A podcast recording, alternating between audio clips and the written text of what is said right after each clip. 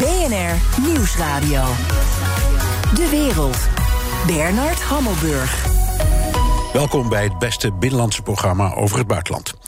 In verkiezingsdebatten komt het thema Europa maar op één manier naar voren. Weet je wat ze vorige week door de Kamer hebben gejast? Dat ze 43 miljard euro in plaats van in onze zorg te besteden, dat ze die hebben gegeven aan landen als Italië en Griekenland en Spanje en Portugal om daar de zorg te helpen. En dat zijn niet de goede keuzes, meneer Rutte. PVV-leider Geert Wilders in het RTL-verkiezingsdebat.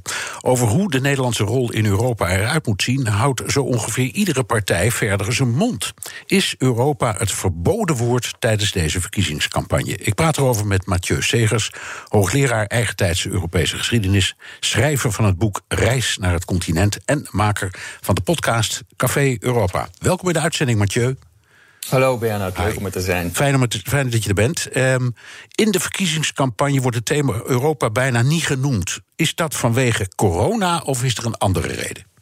Nee, er is eigenlijk een andere reden. Het is een structureel fenomeen in de Nederlandse politiek van de laatste, nou zeg maar decennia, de laatste twee, drie decennia is dat uh, ontwikkeld, dat Europa ontweken wordt, omdat men inschat bij de grote politieke partijen dat het geen sexy onderwerp is. Uh, maar dat neemt ondertussen best wel curieuze vormen aan, zou je kunnen zeggen. Want onze premier bijvoorbeeld, Rutte, die maakt er een sport van om tijdens de Zoom-meetingen van de Europese Raad vooral geen Europese vlag in de achtergrond te zetten, zoals alle andere dat wel doen, bijvoorbeeld. En ja, dat, dat, dat zegt wel iets, want dat ontwijken dat wordt langzamerhand iets wat echt opvalt. Uh, in de internationale media probeert men in de aanloop naar de Nederlandse verkiezingen mensen als Hoekstra en Rutte te interviewen. En dan zegt men daar ook vaak bij natuurlijk, we willen het ook even hebben over de Nederlandse rol in Europa, want die is ook best opvallend geweest de laatste tijd. En dan zeggen deze bewindslieden dat soort interviews af, of ze zeggen, nou laten we dat doen na de verkiezingen. dus dit is een fenomeen dat zich al langer voordoet en dat echt typisch is voor de Nederlandse politiek van de laatste tijd. Ja, hoe zou je die dan kwalificeren? Want daar zit natuurlijk een soort strategie achter. Wat is die?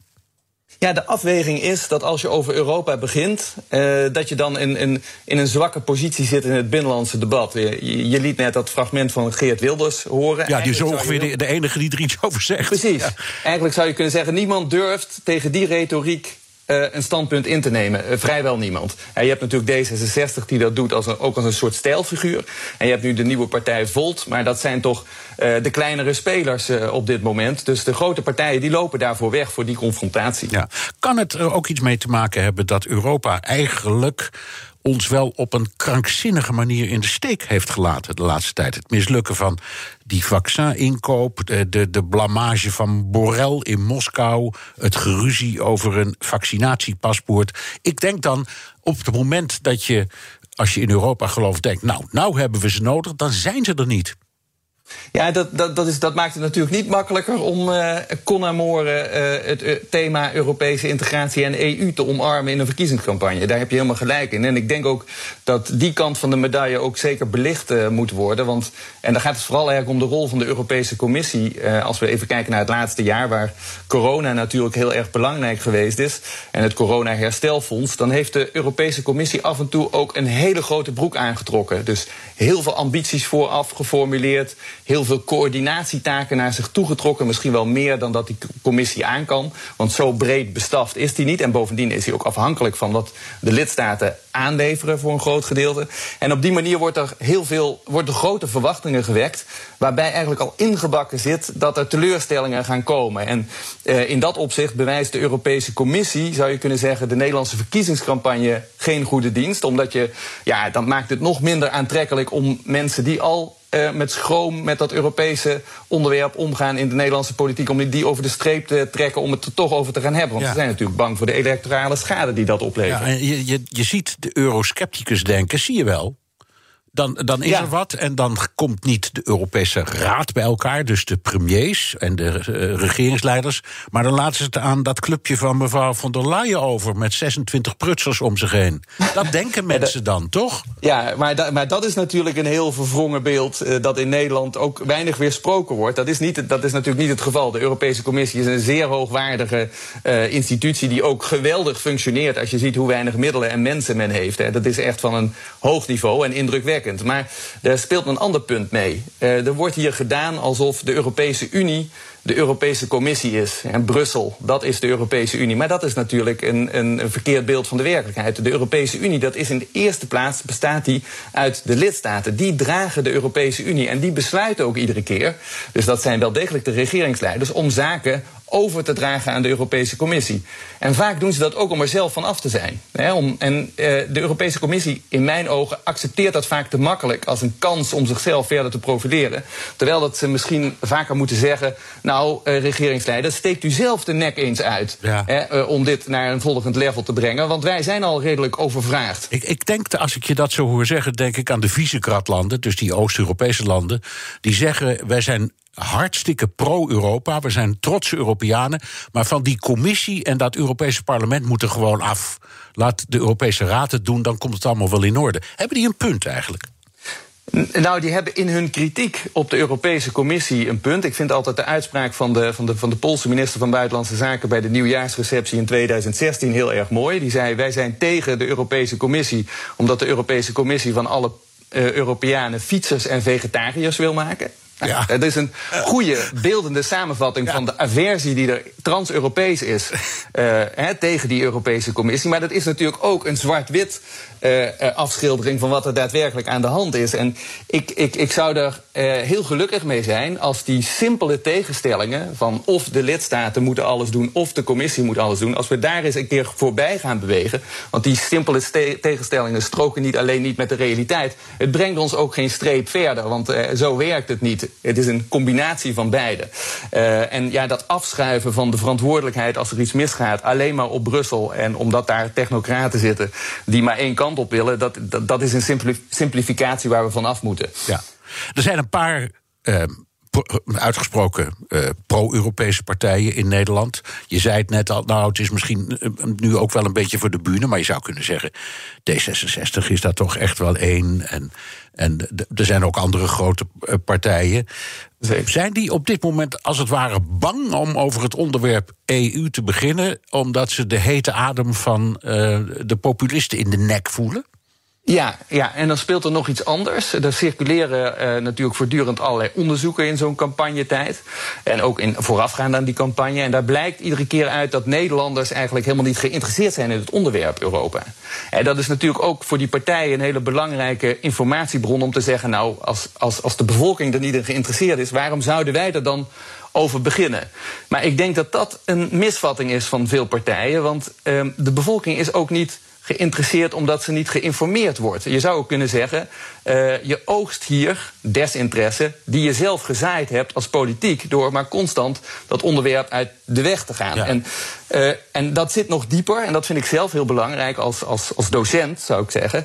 Uh, de, de, Europese integratie is een integraal onderdeel van de naoorlogse Nederlandse geschiedenis en de successen daarin.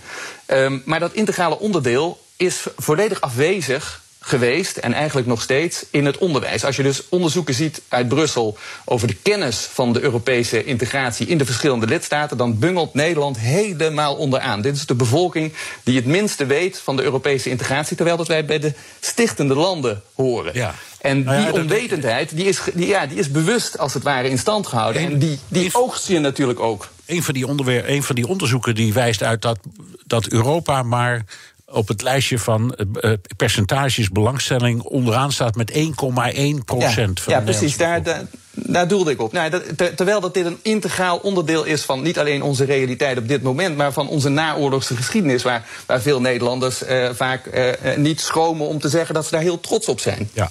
Nederland kijkt erg vanuit kosten en baten naar de EU. En dan hoor je partijen zeggen: wij zijn netto betalers, dus we hebben er niet veel aan. Um, en nou zegt Eurocommissaris Haan van Begrotingszaken dat Nederland juist misschien wel het meest van alle lidstaten verdient aan de EU. Dat we voor iedere euro er 12 terugkrijgen. Hoe, hoe zit dat nou? Nou, dat, dat netto betalerschap, dat, dat woord, netto betaler, is een Nederlands woord, is ook een Nederlandse uitvinding.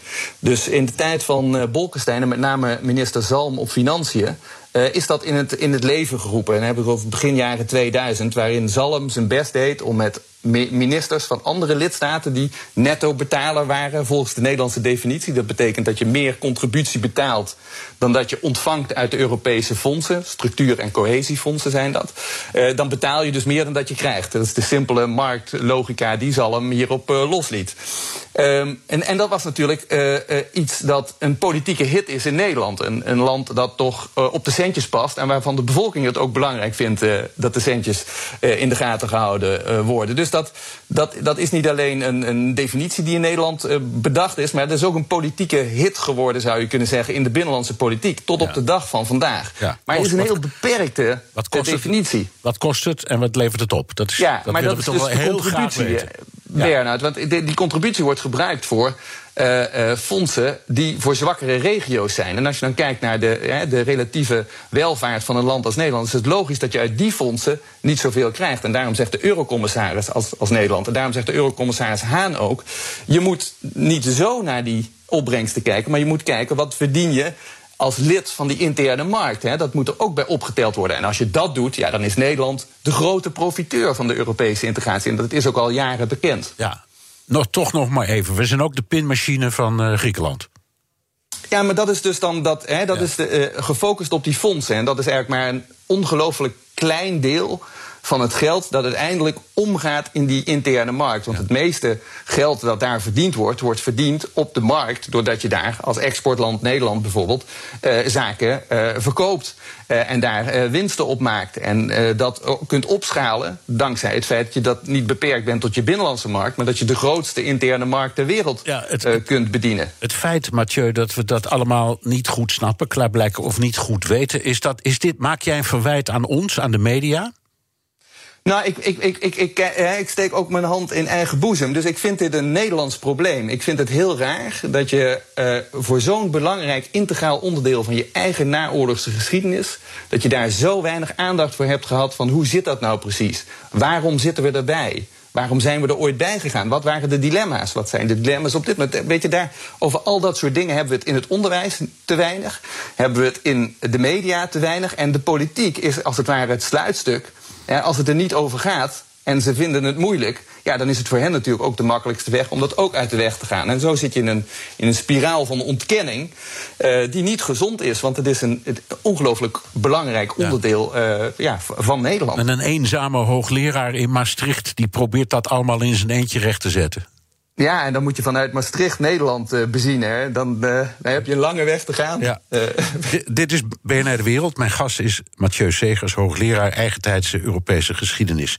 Vorig jaar vroeg de huidige EU-voorzitter Portugal zich af of Nederland nog wel in de EU wil blijven vanwege premier Rutte's opstelling rondom het corona-noodfonds. 26 against one or what, or what issue? Yeah. Uh, I, no, I, I don't, it doesn't feel like that at the moment, no. Rutte zelf deed de opmerking als onderhandelingstactiek af. Maar hoe kijken andere Europese landen op dit moment naar Nederland? Daarvoor is aangeschoven. Europa-verslaggever Geert-Jan Haan heeft toevallig dezelfde achternaam als die eurocommissaris van zojuist. Geen familie van. En geen familie van. Nee, nee. dat is misschien maar goed ook. Welkom. Uh, Mathieu, eerst even naar jou. We lezen heel vaak dat Mark Rutte een machtige stem is in Brussel. Dat Nederland als een van de grotere economieën echt meedoet in de besluitvorming. Hoe staat Nederland er volgens jou op in Brussel? Nou, inderdaad is potentieel kan Nederland echt een potje breken. En er wordt ook naar, het, uh, naar Nederland geluisterd. Dus dat, dat klopt in algemene zin. Maar na dit afgelopen jaar, uh, waarbij Nederland zich echt uh, vrij uitzonderlijk hard heeft opgesteld. En ook alleen een beetje met die Frugal Four, de vrekkige vier, in de onderhandelingen over het corona-herstelfonds, staat Nederland er toch niet zo heel goed op. En de belangrijkste indicator uh, voor hoe Nederland ligt op dit moment in de, in, uh, in de Europese politiek is natuurlijk Duitsland, onze, onze belangrijkste handelspartner, maar ook onze belangrijkste partner in, die, in dat Europese politieke krachtenveld. En daar is het afgelopen voorjaar gewoon heel duidelijk gezegd via de internationale media. En dat betekent nogal iets als de Duitsers de diplomatie, diplomatie opschalen naar de media. Dat Nederland uh, een ongepaste uh, opstelling uh, innam met minister Hoekstra in de onderhandelingen over dat herstelfonds. En Angela Merkel heeft zelfs over Rutte gezegd en zijn opstelling over de EU-begroting dat ze die kinderachtig vond. Nou, dit is voor Duitsers zeer uitzonderlijk dat ze dat in het openbaar doen. En dat kun je dus echt wel zien als een keiharde terechtwijzing vanuit Duitsland. Uh, voor wat betreft de opstelling van Nederland. Dus op dit, na dit afgelopen jaar, 2020, uh, staat Nederland uh, er niet zo goed op. En bevindt het zich ook best wel in een positie waarin er wat herstelwerkzaamheden ja. nodig zijn. Europa-verslaggever Geert-Jan Haan, jij hebt een beetje rondgekeken hoe er in de EU-landen naar Nederland wordt gekeken. Wat, wat kwam je tegen en, en wat was een beetje het beeld dat je kreeg? Ja, ik kwam een heleboel tegen. En om Mathieu gelijk aan te vullen, want hij had het over Merkel en, en kinderlijk gedrag. Dat verwijst terug naar afgelopen zomer. Toen uh, noemde Macron onze houding stuitend. En we hadden natuurlijk ook nog de Hongaarse premier Orbán die het uh, volgende zei. So I don't like blame game. But the Dutch man is the real responsible man for whole mess we have. Ja, dat is van Orbán op zich niet opmerkelijk. Maar goed, het is wel weer een statement dat natuurlijk dan uh, Merkel en Macron aanvult. En ja, als je wat breder kijkt naar hoe afgelopen jaar in de uh, buitenlandse media aandacht is geweest voor Nederland, dan zie je een aantal actuele vraagstukken die best wel wat aandacht kregen. Dus in sommige landen ging men vol op de trom wat betreft de, de toeslagenaffaire, waardoor ons kabinet moest aftreden. Het coronaherstelfonds kwam veel langs. De avondklokrellen vonden sommige landen ineens heel interessant om uitgebreid over uit te wijden. En terugkerende thema's, zoals ideologie, gender en uh, euthanasie en dat soort zaken, die zie je gewoon best wel vaak natuurlijk in Hongaarse en Poolse media. Maar die werden nu net iets vaker benadrukt. Want ja, als zij een veeg uit de pan kregen van Nederland, dan was dat weer iets om mee terug te slaan. Ja, Mathieu, dat beeld wat Geert-Jan schetst, dat gaat wat verder dan alleen maar, ik zal maar zeggen, de hiccup die we hebben gehad met uh, Hoekstra en Rutte over dat fonds. Dit, dit Ja, zit dat- klaar, er zit klaarblijkelijk toch wat, wat meer zeer elders in Ja, de- Europa. ja, ja, kijk, Nederland staat natuurlijk bekend in Europa als een, als een zedemeester, hè, een, een, een dominee, eh, die de anderen graag de les eh, leest als het gaat over deugdelijke huishouding. Hè, hoe heb je je begroting op orde? Eh, maar ook over de rechtsstaat. En zoiets als de toeslagenaffaire. Eh, als je net een paar maanden eerder, eh, voor dat rapport Ongekend Onrecht, alle Europe- Europese landen zo'n beetje aan de lat gezet hebt eh, voor wat betreft de rechtsstaat in de onderhandelingen. En je krijgt dan zelf zo'n toeslagenaffaire rapport om de oren. Ja, dat gaat natuurlijk niet ongemerkt voorbij in, in Europa. Want daar zit men eigenlijk te wachten op het moment dat de hoogmoed, zou je kunnen zeggen, voor de val komt van die Nederlandse opstelling. En Ehm, ja, dat, dat, dat zien we dus ook gebeuren. Daar is men eh, eigenlijk best wel geïnteresseerd door die opstelling van Nederland eh, in wat er in Nederland gebeurt. En of het inderdaad allemaal wel zo zuiver op de graad is. En dan blijkt natuurlijk dat ook Nederland maar een gewoon land is waar eh, ook de nodige dingen niet in de haak zijn of, of fout gaan. En dan heb ik het nog niet, niet eens over belastingontwijking bijvoorbeeld. waar ook een heel groot gedeelte van de, van de euro-lidstaten met name van zeggen... nou, dat, dat kan eigenlijk helemaal niet door de beugel zoals dat gaat in, in Nederland en aan die Zuid als in Amsterdam. Ja, en dan, en dan dat, dat zie jij ook. Ja, en, en er worden ook eh, af en toe best wel eh, grappige details bijgehaald. Of grappig. Maar bijvoorbeeld de eh, Hongaarse regeringkrant eh Magyar Nemzet... die schreef gisteren nog over de keuze voor Marika Lucas Reineveld... als vertaler van die mevrouw van die speech van Biden. waarbij het feit dat ze ervan afziet wordt geduid als discriminatie. En dat is dus weer een manier om vanuit, in dit geval Hongarije, aan te geven... dat Nederland misschien toch niet zo liberaal is... als we telkens willen doen overkomen. En dat is ook weer een soort steek onder water. Hoe vinden ze ons dan wel? Wat vinden ze vinden ons niet liberaal? Wat vinden ze ons? Vinden ze ons Calvinistische zeurpieten? Nou, ze vinden van alles van ons. Ik heb me een beetje gefocust op Hongarije, Polen, Spanje, Italië en een klein beetje België. En dat is interessant, want eh, waarom België? Omdat Nederland, als wij landen een veeg uit de pan geven, dan heeft dat eh, vaak eh, toch wel een soort economische reden. Dus dan proberen we het op begrotingen te spelen. Afgelopen week nog een interview met Pieter Omzicht in L'Espresso, waarbij het ook over de economie ging, waarbij Omzicht weer wat over de Italianen zegt. Nou, en, en Rutte, toen hij begon met Rutte 3, weet je nog, Bernard, dat hij over België het volgende zei. Er is een heel groot belang dat wij als land aantrekkelijk blijven. Je ziet in België wat er gebeurt als je niet op tijd de bakens verzet. In België zijn op één bedrijf na geen grote internationale bedrijven meer. Ja, en Rutte doelde op Ab InBev en kreeg vervolgens heel België over zich heen, omdat hij dat als een soort economisch eh, woestenij neerzette. En dat is gewoon net niet even handig altijd. Eh, Maar ze doen het. En Hoekstra doet het ook deze week weer... dat hij het heeft in een verkiezingsdebat over Griekse taferelen. Dus ze gebruiken een lidstaat, een collega EU-lidstaat... als bijvoeglijk naamwoord om iets op economisch terrein aan te duiden. Oké, we moeten één heel belangrijk ding. Eerst jij, Geert-Jan, dan met Mathieu graag nog even Italië. Ja. Wat tref je daar aan in het beeld dat de Italianen van ons hebben? Wij weten ongeveer wat zij van ons denken, wat wij van hun denken. Maar wat vind je andersom? Nou, dat interview van Omtzigt in L'Espresso, dat is van gisteren. En dan zie je toch uh, vrij agressieve vragen die aan hem worden gesteld. Van, goh, maar je bent toch anti-Europees? En uh, hoe kijk je nou naar ons? En uh, je mag ons toch niet? Dus er is een soort aanval uh, vervolgens heeft Omzicht in dat artikel wel de ruimte om te pareren. En zegt hij van ja, als Draghi vindt dat er gemeenschappelijke uh, schuldenlasten moeten worden verdeeld. dan mag ik toch aangeven waarom ik het daar niet mee eens ben. En tegelijkertijd, afgelopen zomer, een interview met Enrico uh, Letta in Dagblad Trouw, oud-premier. Die zegt van nou, toen ik afgelopen zomer op vakantie was in Toscane. zag ik dat de Nederlanders daar naartoe kwamen. en dat de Italianen ze alsnog hartelijk welkom heten. Oftewel, het is ook vooral een politiek en een mediaspel. En niet zozeer iets dat de gewone Italianen Nederlanden tussen haakjes echt met elkaar uitvechten. Mathieu, laten we dan even kijken naar de het politieke spel. Want er is een soort politieke aardverschuiving in Italië. Met Draghi, die nu plotseling uh, terug is, een zwaargewicht in de politiek. Wat betekent dat voor de verhoudingen?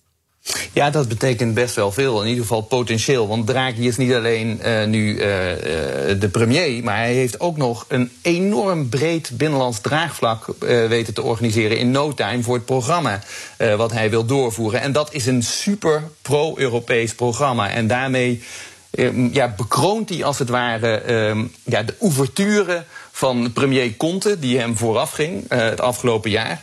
Die Italië al nestelde uh, in de Frans-Duitse as, zou je kunnen zeggen. Uh, toen het ging over die onderhandelingen over dat corona-herstelfonds. Conte zat in hetzelfde hotel tijdens de cruciale top als Merkel en, en Macron. En dat is terug te zien in de resultaten die hij geboekt heeft destijds. Want Italië ontvangt niet alleen heel veel geld uit het corona-herstelfonds, maar het zit ook echt mee aan de tekentafel voor wat betreft de verdere uitwerking.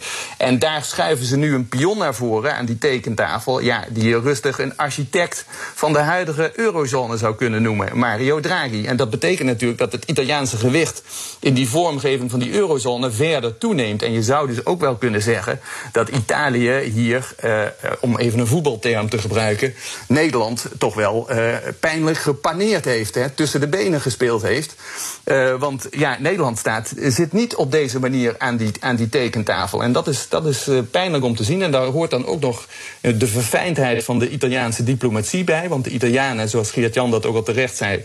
die relativeren dit ook een beetje af en toe. En die zeggen, het is ook spielerij. Uh, en zo heeft Italië dus ook nu onlangs, een paar dagen geleden... Nederland uitgenodigd om uh, aan te schuiven bij de G20 op uitnodiging van Italië. Omdat Nederland te klein is om daar zonder uitnodiging zomaar aan te schuiven. Dus ze hebben een uitnodiging van iemand anders nodig. En daarmee uh, um, ja, benadrukken de Italianen ook op een hele fijntjes de verhoudingen. wij zijn de derde economie van de eurozone. jullie niet, maar wij zijn niet zo kleinzielig als jullie. Uh, en wij uh, nou nodigen jullie graag uit als een, als een bevriend partnerland ja. uh, om bij die G20 aan te schrijven. Dus even, Nederland ja. staat hier op achterstand. Ja, even, even voor mijn eigen geheugen. We hebben het altijd over de oorspronkelijke zes, maar waren dat er eigenlijk niet vijf en kwam Italië daar pas later bij? Nee, nee. nee. Je, zou kunnen zeggen, het waren er oorspronkelijk drie die echt het initiatief namen. Dat waren Frankrijk en Duitsland natuurlijk. En daar zat Italië al bij. Daar met zat Italië de Gasperi toen, die, dus, uh, die Duits sprak omdat hij uit uh, Zuid-Tirol kwam. En het dus goed kon vinden met onder andere Konrad Adenauer. Ja, en, en, en dus hebben ze ook recht van spreken. En het is ook wel heel chic ja. dat zij zeggen: Weet je wat, dan nodigen wij Nederland uit. Ja, precies, dat heeft iets chics. Ja, dankjewel, Europa-verslaggever Geert-Jan Haan. Mathieu, ik praat straks met jou verder over wat er nou precies te vinden is in de verkiezingsprogramma's over Europa. BNR Nieuwsradio. De wereld. Bernard Hammelburg. Nederlandse politieke partijen hebben de Europese Unie op een reservebank gezet. In de aanloop naar 17 maart is er even geen Europa. Ik praat verder met Mathieu Segers, hoogleraar eigentijdse Europese geschiedenis en maker van de podcast Café Europa. Mathieu, laten we, laten we de verkiezingsprogramma's eens bekijken. Loop ze eens langs en wat valt jou dan op? Nou, er zijn natuurlijk heel veel partijen, dus ook heel veel verkiezingsprogramma's. En als je een gemene deler op dat Europese, um, ja, het Europese thema zou moeten noemen, dan is dat toch uh, oppervlakkigheid. Dus het wordt overal genoemd. Maar het wordt heel erg in algemene termen genoemd en uitgewerkt. En vaak staan er ook allerlei beweringen in die vooral heel veel vragen oproepen over hoe dan. Hè, hoe ziet u dat dan voor zich, uh, politiek uh, partij X of Y? Dus die oppervlakkigheid, um, die is kenmerkend eigenlijk voor de verkiezingsprogramma's als het gaat over Europa. En dat heeft natuurlijk ook een ander gevolg, namelijk dat je daardoor een beetje reactief uh, op dat hele Europese gebeuren uh, reageert. Want uh, het is natuurlijk niet oppervlakkig. Het is supercomplex. Er worden op dit moment hele grote veranderingen doorgevoerd voor de eurozone via dat Euro corona-herstelfonds bijvoorbeeld. En als je daar reactief je ten opzichte van opstelt, ja, dan denk je niet mee. En dat is vooral iets wat, wat ontbreekt eigenlijk in alle verkiezingsprogramma's over de hele linie. Ja. Dat er een beetje visionair vooruitgekeken wordt vanuit het Nederlands belang. Wat willen wij met Europa? En kun je, is dat nou gebrek aan kennis, gebrek aan belangstelling? Of hebben we even geen tijd? We hadden het in het eerste deel van het programma ook al over. Waar komt dan, want dit is een soort van bijna verwerpelijke oppervlakkigheid, waar de kiezer ook niks aan heeft. Wat zou de verklaring zijn? Ja, de verklaring is inderdaad. Ja, het ligt in, in de eerste helft van het programma hadden we het erover vandaag. Uh, dat er. Hè, het is ook een beetje je, je oogst wat je zaait. Nou, dat zie je ook in die programma's terug. Dus het gaat er in de Nederlandse politiek weinig over. Men doet onderzoeken waaruit blijkt dat de Nederlandse burger niet echt geïnteresseerd is. We zijn niet goed op de hoogte. Uh, blijkt uit uh, internationale onderzoeken van die Europese integratie. Ja, en dan kom je natuurlijk op, um, op oppervlakkige standpunten uit. Dus ja, dat is aan de ene kant aan de, aan de hand. Aan de andere kant is het ook zo, en uh, dat is tactisch. Men probeert natuurlijk. Um, manoeuvreerruimte, politieke manoeuvreerruimte te, te creëren.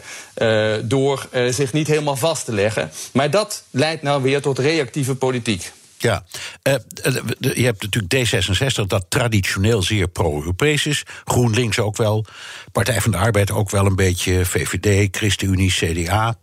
Die, die zeggen allemaal dat ze voor een sterk Europa zijn. Wat betekent nou een sterk Europa volgens jou als jij naar die programma's kijkt? Ja, dat is, dat is nou precies wat ik bedoel. Want wat een sterk Europa betekent, dat is natuurlijk niet zo 1, 2, 3 duidelijk. En dat kan ook op allerlei manieren uitgewerkt worden. Misschien wel op duizend en één manieren. Maar wat ik heel erg mis, um, dat is dat een sterk Europa ook betekent dat, dat Europa gedragen wordt door de lidstaten. En dat betekent weer dat het gedragen wordt in de democratieën van de lidstaten. En dat betekent weer dat het een integraal onderdeel moet zijn van het binnenlandse politieke debat. En dat betekent dat je vanuit je eigen nationale positie nadenkt hoe je bijdraagt aan dit stabiliserende en welvaartsbrengende project dat het nog steeds is. Zeker voor een land uh, als Nederland. Ja. Uh, en ja, dat is precies de kernvraag die eigenlijk uh, weinig aan de orde komt. Er wordt heel erg gedaan van Europa is iets dat zich buiten ons afspeelt. En waar wij af en toe op een onprettige manier mee geconfronteerd worden, meestal. En waar we ons dan toe moeten verhouden. Eh, en als een soort uh, ja, Asterix-dorp onze belangen uh, moeten beschermen. Ik denk dat dat een, een, een heel verkeerde houding is. Ja, maar goed, er zijn heel veel uh, Nederlanders die zeggen. Wat ik eraan heb in het bedrijfsleven, of als burger of als toerist, of zelfs als ik een beetje principieel ben, is toch in de eerste instantie de economische voordelen, uh, het gemakkelijke grensverkeer, het ontbreken van douane, uh, de afspraak dat we geen oorlog met elkaar voeren, afijn, allemaal van dat soort praktische dingen.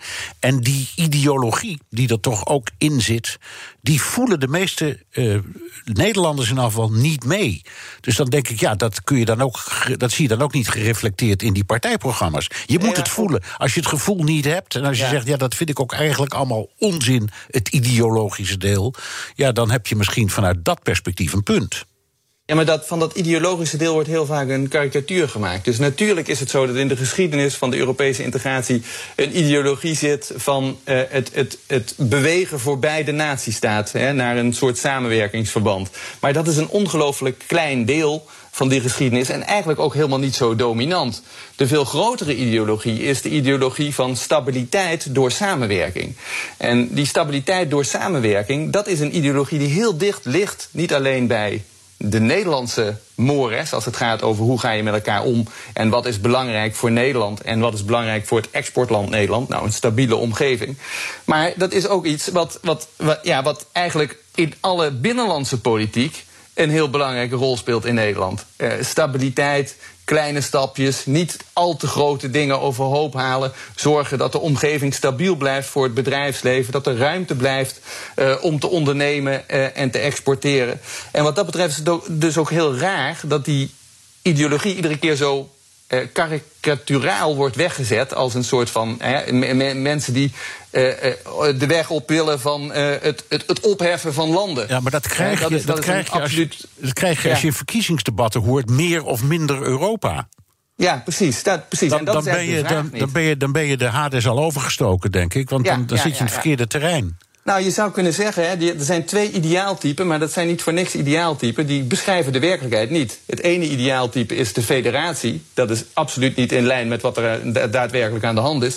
Het andere ideaaltype is de nazistaat. En daarvan zou je kunnen zeggen, ja, die bestaat als pure vorm sinds de, na, uh, de Tweede Wereldoorlog ook niet meer in dat Europese integratieproces. Want het is een nazistaat die op een vergaande manier samenwerkt met andere naties. Meneer Segers, meneer Segers, u neemt mij mijn soevereiniteit af. Ja, precies. Hè? Nou, we, ja, precies dat is dan de reactie. En, en, en we zouden. Kijk, het zou heel belangrijk zijn dat. Um, die partijen die je net noemde, hè, ik noem even CDA en VVD, die hebben in hun partijprogramma staan: wij zijn voor een sterk Europa. Het zou ongelooflijk belangrijk zijn dat de leiders van die partijen tegen dit soort retoriek in standpunten innemen om aan te geven dat dit een oversimplificatie is van de werkelijkheid, die geen recht doet aan datgene wat er echt aan de hand is. En dat de, de Nederlandse soevereiniteit juist versterkt wordt door de stabiliteit in de omgeving van Nederland die die Europese integratie biedt. En dat die Europese integratie niet in de plaats komt van Nederland, maar een aanvullende rechtsorde is op de Nederlandse rechtsorde die de nazistaat Nederland ten goede komt. En, en, dat zie ik van deze partijen niemand doen, terwijl dat ze het wel, en dat heb je terecht gezegd, Bernard, in hun verkiezingsprogramma hebben staan. Ja. Nou, even, heb je dat uh, artikel in Follow the Money gelezen deze week? Ja. Daar werden alle partijprogramma's ja, doorgelicht. En daar bleek dat ze allemaal beloftes doen die niet kunnen of die al door de EU worden uitgewerkt. Wat zegt dat over hoeveel Nederlandse partijen eigenlijk weten over de EU? Ja, nou, dat komt eigenlijk, dat, dat, dat ligt in het verlengde van wat we net bespraken. De kennis is vaak echt belabberd. bij de basis, eh, de grote partijen in het midden, zou je kunnen zeggen, is die kennis nog redelijk op orde in de partijorganisatie. Maar zie je dat maar beperkt terug in de campagne en de programma's. Maar bij de, bij de partijen daaromheen, de wat splinterpartijen, worden gewoon allerlei zaken beweerd die totaal niet waar zijn. En dat uh, legt dat uh, artikel van Follow the Money, die, ja, die legt feilloos de vinger op, de zere plekken in alle partijprogramma's. Ja, en dan blijkt inderdaad dat de kennis in Nederland over de Europese integratie, als we op die partijprogramma's afgaan, heel erg belabberd is. Want er staan gewoon dingen in die absoluut niet kloppen. Ja, er zijn bijvoorbeeld Nederlandse partijen die beloven dat er een eind komt aan die maandelijkse verhuizing van Brussel naar Straatsburg.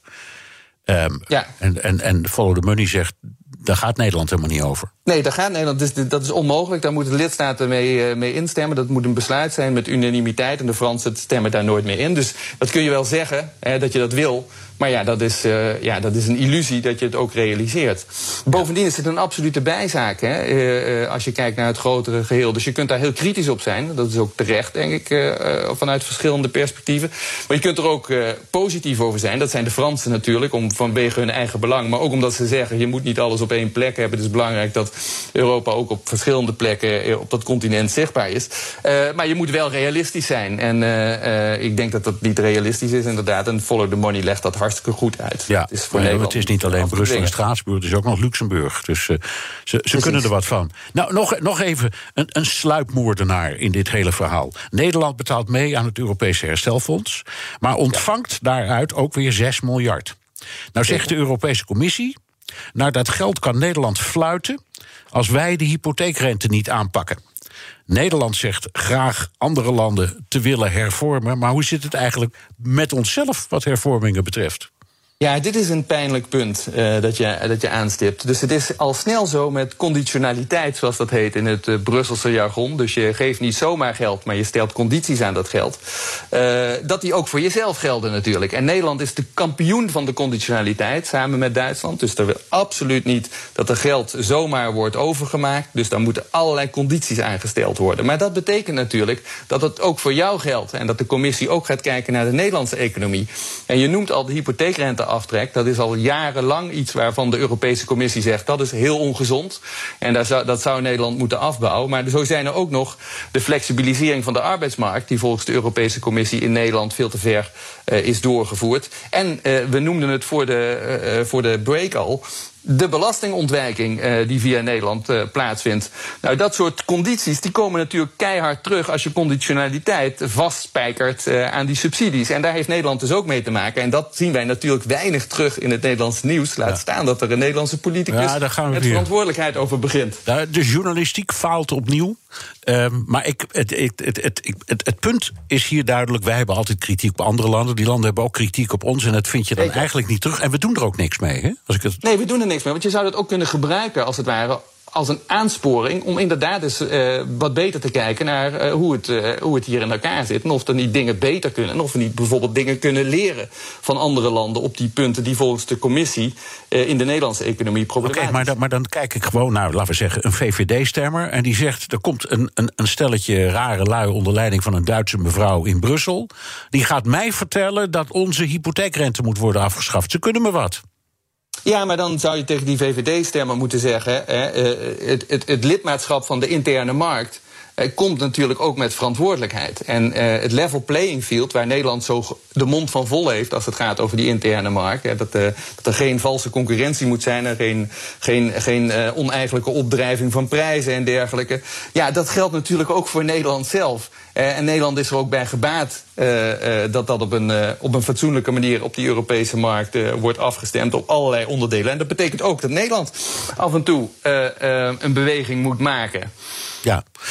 Dit is BNR De Wereld. De gast is Mathieu Segers, hoogleraar eigentijdse Europese geschiedenis en maker van de podcast Café Europa. It's a great honor to be with the Prime Minister of the Netherlands.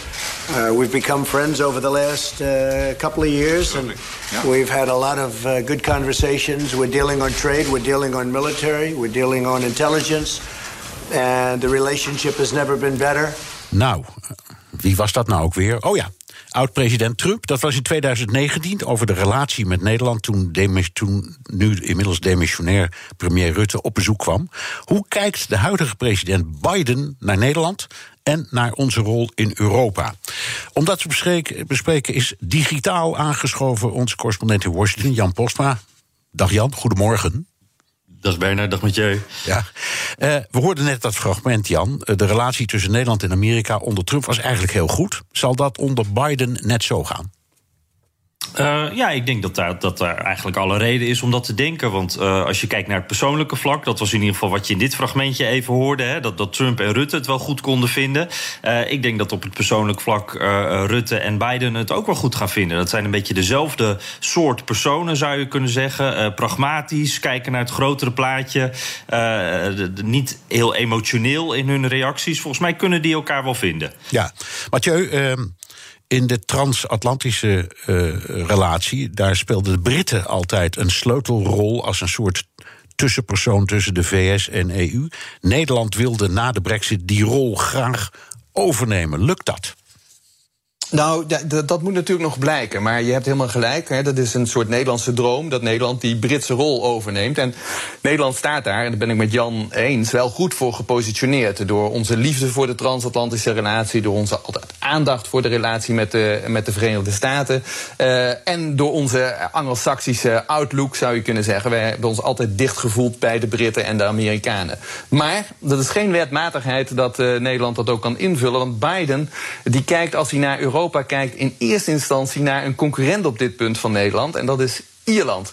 Biden is zelf een, eh, een katholiek met een uh, gedeeltelijk Ierse achtergrond. En die heeft zichzelf ook altijd geafficheerd, al heel vroeg in zijn politieke carrière, als iemand die de, de, de erfenis van, uh, van John F. Kennedy graag verder wil brengen. John F. Kennedy was natuurlijk ook een, een, een katholiek met een Ierse uh, achtergrond.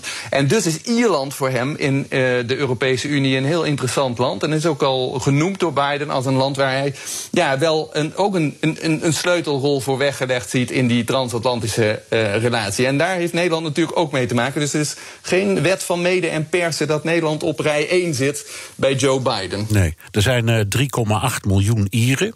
En er zijn 44 miljoen Amerikanen Amerikanen die zich Iers noemen. Dat vind ik altijd een heel mooi. En hij dus Ja, ook. precies. Ja, ik weet niet of Ja. hij het echt is.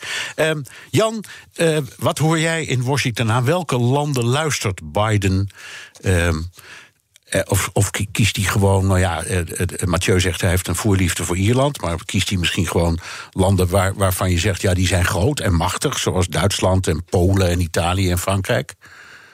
Nou, ik denk wat uh, Mathieu zegt, die, die, dat katholieke aspect speelt zeker mee. Uh, en dat, dat Ierse aspect ook. Biden is constant uh, Ierse schrijvers aan het citeren. Hij, net als heel veel Ieren, je noemde ze al, er zijn hier wel heel wat Ieren in Amerika... heeft hij echt heel sterk dat gevoel van daar ben ik trots op. En Biden is een gewoontedier, hè? Die, die kiest voor veilig, wat hij kent. En zijn geloof is daar dat, echt onderdeel van hem.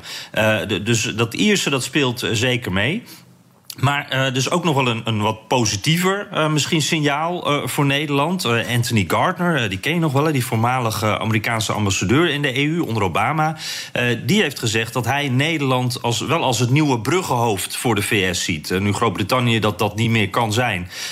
Gardner die was ook buitenlandadviseur van de Biden-campagne. Dus dat zou iets kunnen zeggen. Uh, zegt natuurlijk niet alles, maar dat is in ieder geval zo'n signaal wat je hier dan hoort. Zo'n klein uh, geluid en dan uh, springt iedereen daar bovenop van... oh, dat zou iets kunnen betekenen. Ja, maar het is in geval zo, want er worden vaak grappen over gemaakt... om het maar simpel te houden. Biden weet wel waar Nederland ligt, Jan. ja, nee, dat zeker, dat zeker. Ik denk wel dat als hij naar de, de, de kaart kijkt... Uh, dat, dat eerst even zijn vinger dan naar Ierland gaat... en dat hij dan langzaam inderdaad zo richting uh, uh, Nederland beweegt. Hij heeft geen bijzondere band met Nederland... maar heeft met zijn jarenlange buitenlandervaring in de Senaat... en als vicepresident natuurlijk wel veel met Nederland te maken gehad. Ja. tijdens zijn vicepresidentschap deden wij mee in Afghanistan... en daar hield Biden zich nadrukkelijk mee bezig. En toen was er ook goed contact, begrijp ik. En ja, even een klein voorbeeldje. gisteren organiseerde Nederland nog uh, met de VS een conferentie over de inzet van de marine. Uh, bijvoorbeeld uh, bij, de sancties tegen Noord-Korea. dus wij zijn er wel duidelijk. Maar ik denk niet dat we helemaal top of mind zijn bij beiden op dit moment. En ik denk nog niet dat we bijvoorbeeld alles genoemd zijn in het Oval Office. Ja. Maar, maar, dat gaat natuurlijk wel een keer komen. Mathieu, onze collega van het FD, Han-Dirk Hekking, zei in jouw podcast laatst. Trump keek naar Europa met kwaadwillende onverschilligheid en Biden doet dat met welwillende onverschilligheid. Maar beide geven dus niet echt om Europa. Is dat ook zo, denk je? Ja, ik denk dat als het gaat over geopolitieke prioriteiten van de VS, ja, dan wil uh, de, de olifant uh, uh, VS, die wil de liefde bedrijven of ruzie maken met andere olifanten. En dat is in de eerste instantie China. en wat daar dan allemaal vertrapt wordt onder die voeten, dat maakt hun minder uit. En dat was natuurlijk al onder president Obama zo dat Europa gezakt was naar prioriteit nummer 8 in de buitenlandpolitiek van de Verenigde Staten. En die trend heeft zich onder Trump doorgezet. Wat dat betreft was er gewoon continuïteit. En dat zal onder Biden niet veel anders zijn, denk ik. Nee. Jan, Trump die zei. Ik, uh, zolang ik nog een Mercedes of een BMW door de straten van New York uh, zie rijden, dan accepteer ik dat niet. En hij kwam aan met dat America First. Biden is, uh, zegt nu Buy American. Is dat niet gewoon hetzelfde, maar in, uh, in andere woorden? Ja, het klinkt wat netter, hè? Dat, dat zo is beide dan ook. Nou ja, ik, ik, ik, denk, ik denk bij mezelf. Ja. Ik denk bij mezelf, als je praat over dingen als staal of zo. en je zegt, als, als je Trump bent, dan kom je met sancties. Je koopt geen staal meer uit Duitsland of Nederland of noem maar op. Maar als je zegt Buy American, dan zeg je tegen die auto-industrie. Eh, koop maar eerst Amerikaans staal voordat we in Europa krijgen. Heb je helemaal geen sancties nodig. Dat bedoel ik eigenlijk. Ja, ja, nee, het is echt helemaal in dezelfde geest, dezelfde gedachte als Trump. Met het Buy American-decreet legt Trump uh, eigenlijk vast dat de Amerikaanse overheid belastinggeld in eerste instantie moet uitgeven aan Amerikaanse fabrikanten en producten. Dus, dus als de, de stad Washington nieuwe auto's zou kopen, nou, dan moeten ze wel Amerikaans zijn. En ja, dat is natuurlijk heel erg in de lijn van Trump. Veel meer bescherming van de eigen markt. Weg van die helemaal vrije handel van, van Clinton en Bush, waardoor door banen ook naar het buitenland gingen. Er zit ook een verschilletje in. Uh, Trumps maatregelen die, die konden in de praktijk makkelijk omzeild worden. En uh, ja, Biden probeert dat allemaal meer dicht te timmeren. Dus uh, als bijvoorbeeld de stad zegt... ja, wij kunnen geen Amerikaans product vinden... dan moeten ze dat op een website zetten. Dan kunnen Amerikaanse bedrijven daarop reageren... en alsnog bieden op die opdrachten. Zo, op zo'n manier wil Biden dus proberen... dat het ook echt wordt nageleefd. Nou ja, dat, dat zal moeten blijken. Maar ja. het is zeker dezelfde gedachte. Even een vraag aan jullie allebei. Er waren, ik geloof in de Observer stond dat een tijdje geleden... de Britse zondagskrant... eh, een verhaal dat Biden wel geïnteresseerd is in het laten herleven van TTIP, de onderhandelingen over een Europees-Amerikaans handelsverdrag, maar dan veel simpeler dan de oorspronkelijke versie. Uh, Mathieu, is dat iets wat jij zou zien gebeuren, of waarvan je denkt het is mogelijk, of denk je nee hoor, onder deze president komt het er ook niet? Nee, het is niet helemaal onmogelijk, al is het wel een beetje tegen de trend die Jan terecht schetst. Van, hè, dat is een globale trend van meer protectionisme. Maar wat we ook zien in de globale verhoudingen is dat er wel degelijk vrijhandelsverdragen gesloten worden, maar vooral in andere regio's dan de westerse regio zou je kunnen zeggen. China speelt ook steeds een meer een prominente rol. En dat leidt tot een soort van uh, ja, gevaar dat de standaardzetting, wie zet de standaarden op de uh, wereldwijde markt, dat de, de dominantie daarvan langzaam verschuift van het Westen naar andere delen van de wereld. En dat wil ook een VS onder leiding van Biden natuurlijk niet zien gebeuren. En wat dat betreft is dat voorwerk van TTIP inderdaad misschien wel iets dat hij kan oppakken of proberen op te pakken om toch uh, daar niet helemaal op achterstand uh, te komen. En ik heb ook gehoord dat het, dat het niet helemaal uitgesloten is, maar het, zal, het is wel een beetje tegen de trend. Dus het zal politiek gezien verre van eenvoudig zijn. Dus er moet een list verzonnen worden. Ja, Jan, lees of zie je er wel eens iets over? TTIP 2.0?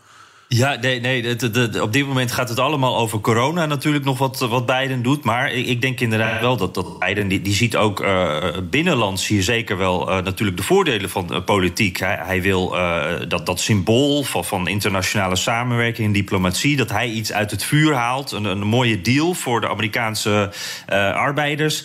dat wil hij natuurlijk ook wel. hij wil laten zien dat hij ook hard vecht voor die mensen in de Rust Belt. net als Trump dat altijd zei te doen. Dus ik, ik, denk dat hij er zeker wel oren naar heeft. Ja. Dankjewel, Jan Posma, onze correspondent uh, in uh, Washington. Ten slotte nog even, uh, Mathieu. we hebben het nu over een verkiezingsstrijd, want dat was de inzet van dit programma. waarin Europa weinig voorkomt. Wil dat nou ook zeggen dat het gewoon uit het politieke denken verdwijnt? Of denk je dat komt na deze crisis en na die verkiezingen vanzelf weer terug? Want Europa is sterker dan dat. Ja, precies. Je kunt die, omstand, die Europese omstandigheden kun je niet buiten je eigen werkelijkheid houden. Dus dat komt vanzelf terug. En ik wil toch een beetje op een positieve noot eindigen. Want we zijn natuurlijk kritisch geweest, ik denk terecht. Maar Nederland heeft nog steeds een uitzonderlijk goede positie om een invloedrijke rol te spelen in dat hele Europese politieke krachtenveld. Ook ondanks het moeilijke jaar uh, dat achter de rug is. En als we dat combineren met die potentiële rol in die transatlantische relatie met president Biden, ja, dan kan Nederland natuurlijk echt de go-to uh, uh, country zijn voor de Amerikanen en de Britten. In, ja, in, in, in contact met de Europese Unie. Maar als je zo'n go-to-partner-rol wilt verzilveren, en dat zou voor Nederland echt heel mooi zijn, ook voor de Nederlandse belangen, dan moet je natuurlijk wel je netwerk op orde hebben. Want anders komen ze niet naar je toe. Nee. En dat Europese netwerk, dat is een beetje verwaarloosd het laatste jaar. Dus als die herstelwerkzaamheden snel aangevat worden, ja, dan is er nog steeds heel veel mogelijk. En dan moeten we het er hier binnenlands ook veel meer over gaan hebben. Hartelijk dank, Mathieu Segers, hoogleraar eigentijdse Europese geschiedenis, schrijver van het boek Reis naar het continent en maker van de podcast Café Europa. En tot zover BNR De Wereld. Terugluisteren kan via de site, de app, Spotify of Apple Reageren kan via mailtje naar dewereld.bnr.nl. Tot volgende week, dan hoor je in De Wereld het BNR Buitenlanddebat.